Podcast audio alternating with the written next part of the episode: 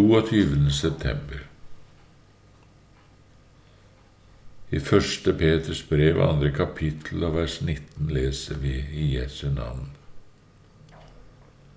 Dette er nåde, hvis noen på grunn av sin samvittighet overfor Gud holder ut i smerte når en lider urettferdig. Rosenius sier i en preken på 15. søndag etter trefoldighet sier Luther det kalles vanligvis for å tjene Gud når vi gjør det Gud har befalt, og la være å gjøre det Gud har forbudt.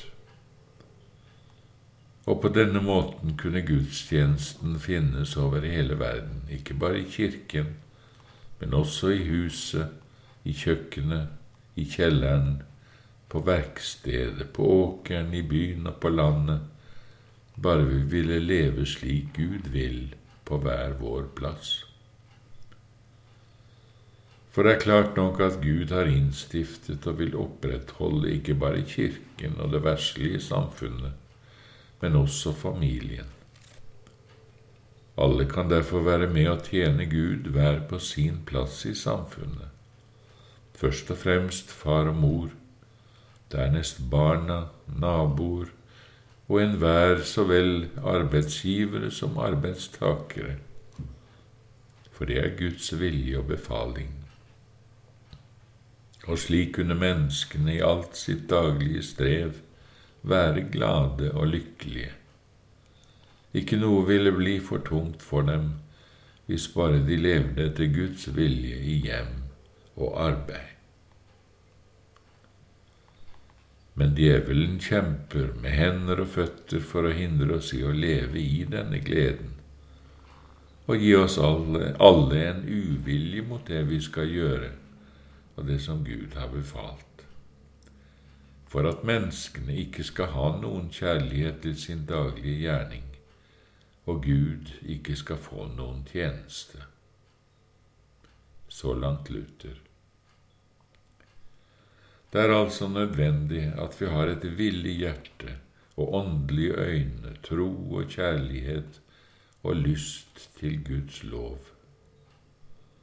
Åndelige øyne vil si at vi alle der vi er satt i hjem og samfunn, må se Gud, se Gud foran seg, se Guds bud og vilje, og ikke stanse opp bare ved gjerningens egenverdi. For det andre er det også nødvendig med en utrettelig tålmodighet, for djevelen prøver alltid å gjøre oss misfornøyde med vårt kall og vårt arbeid. Og for en nåde å ha den kjærligheten til Gud som kan drukne vår misnøye i Hans velbehag, så vi bare for Hans viljes skyld lider og holder ut i tålmodighet. Apostelen Peter sier, Dere tjenere, vær deres herrer underordnet med all frykt, ikke bare de gode og milde, men også de strenge. For dette er nåde, hvis noen på grunn av sin samvittighet overfor Gud holder ut i smerte når de lider urettferdig. Når dere gjør godt og likevel må lide, hvis dere da kan være tålmodige, finner det nåde hos Gud. For til dette ble dere kalt, fordi Kristus også led for oss og etterlot oss et eksempel for at vi skulle følge i hans fotspor. Dere barn og dere som er arbeidstakere, merk dere disse ordene, ikke bare de gode og milde, men også de strenge. Legg også merke til på grunn av sin samvittighet overfor Gud holde ut i smerte når en lider urettferdig. Dette finner nåde hos Gud. Til dette ble dere kalt, fordi Kristus også led for oss. Ja, dette er godt i Guds øyne når et barn som tror på Frelseren, lider under foreldres og søskens vrangvilje, men holder ut i ydmykhet på grunn av sin samvittighet overfor Gud. Ikke reise seg mot dem i tross, og heller ikke gi seg over i sorg og oppgitthet eller gå tilbake til verden, men lider tålmodig og venter på Herren og har sin trøst, sin venn og tilflukt i Frelseren alene. Dette finner nåde hos Gud. Det samme er tilfellet når en trofast kristen, som har en ugudelig og vanskelig ektefelle, på grunn av sin samvittighet overfor Gud, tålmodig holder ut i trengselen, lider urett, men viser kjærlighet og lever med sin ektefelle i tilgivelsens ånd. Det finner nåde hos Gud når en kristen far eller mor som har ugudelige og vanskelige barn, i utrettelig fasthet, tålmodighet og kjærlighet strever med å oppdra dem, formaner, tukter, forlater, oppmuntrer og først og sist legger dem fram for Gud i bønn. Det finnes, finner nåde hos Gud når en lærer i Guds rike, som har en lite fruktbar arbeidsmark, likevel med kjærlighet arbeider i tålmodighet og ikke blir trøtt.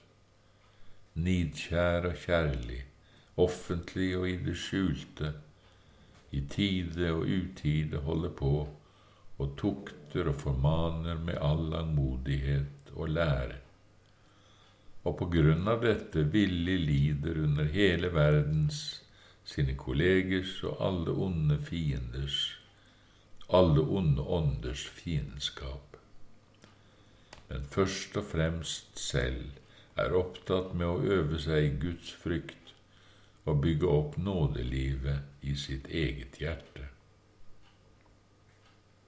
Det finner nåde hos Gud.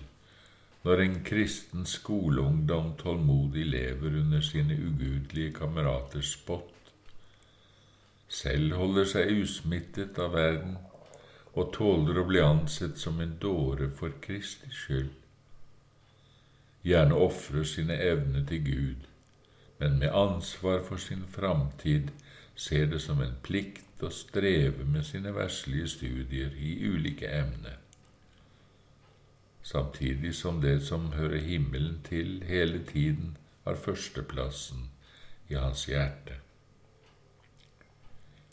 Det finner nåde hos Gud når en håndverker på grunn av sin samvittighet overfor Gud er redelig og trofast i yrket sitt, heller lever i fattigdom og opplever å miste kunder enn å skulle benytte seg av triksing og falskhet som hans konkurrenter i yrket tjener penger på. På denne måten har alle mennesker hver sin plass, sine prøvelser og problemer. Da kreves det tålmodighet og åndelige øyne og hjerter til både å se og elske det som er velbehagelig for Gud. Bli faste og urokkelige trofaste og flittige hver på sin plass, og på denne måten tjene sin neste og dermed gjøre Guds vilje. Dette finner nåde hos Gud, og det er den rette måten å leve på.